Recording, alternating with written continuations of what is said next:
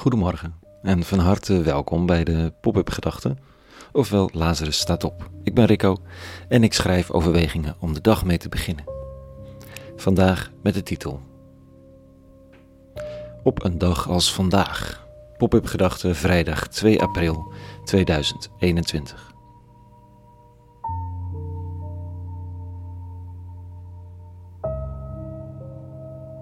Wat zeg je op een dag als vandaag? Ik lees vanochtend in de lezingen van de dag het leidersverhaal. Van verraad tot verlogening, tot het gesprek met Pilatus, de kruisiging, sterven. Ik ben er stil van. Wat heb ik te zeggen? Welke gedachten leg ik daar nog naast? Kan dat wel? Als je even de tijd hebt vandaag, pak dan Johannes 18 en 19 er even bij. Heb je geen Bijbel? Google is je vriend. Het is een indrukwekkende serie gebeurtenissen die het niet nalaten indruk te maken. Ook als je geen idee hebt wat je ermee moet. Paulus reflecteert erop vandaag in een andere lezing. Alweer jaren na Jezus' dood schrijft hij. Hij had gestalte nog luister, zodat we naar hem konden zien, geen voorkomen, zodat wij hem zouden kunnen begeren. Veracht en door mensen verstoten, man van smarten en door lijden gerijpt. Als een die zijn gelaat voor ons heeft verborgen, veracht en door ons niet geteld. Toch waren het onze pijnen die hij droeg en onze smarten die hij op zich nam. Het is geen mooi gezicht. Het is geen stralende, knappe held. Het is een eenzame, kapotte mens met een stalen ruggengraat, gevormd door een diepe verbinding met de eeuwige. Maar wat zie je aan de buitenkant? Iemand die zich niet verzet, iemand die geen macht kon brengen of pracht of praal. Hij werd veracht.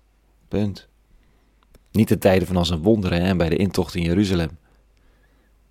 Maar dat is op deze dag, in deze nacht, alweer lang vergeten. Hier staat een verstoten mens.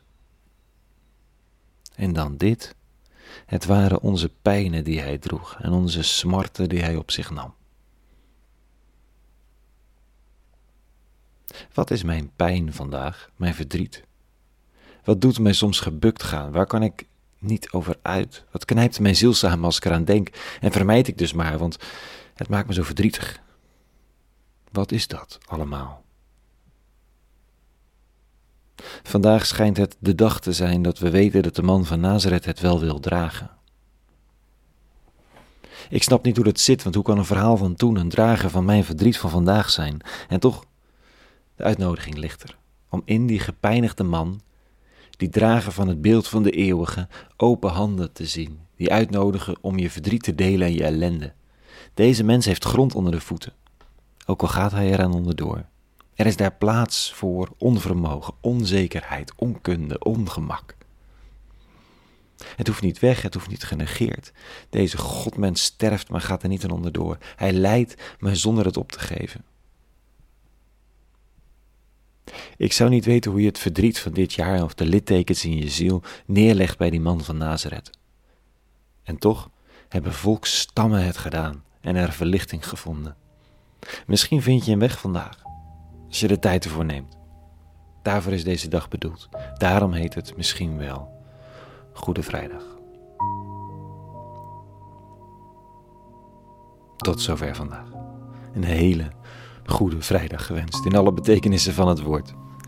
En zondag dus een ingelas, ingelaste paasochtend pop-up met de titel Paasochtend Gloren. Van harte uitgenodigd om met een brood, wijn of sap, misschien een thermos koffie of thee, het kan wat koud zijn, ergens een plekje aan het water te zoeken om de zon te zien opkomen.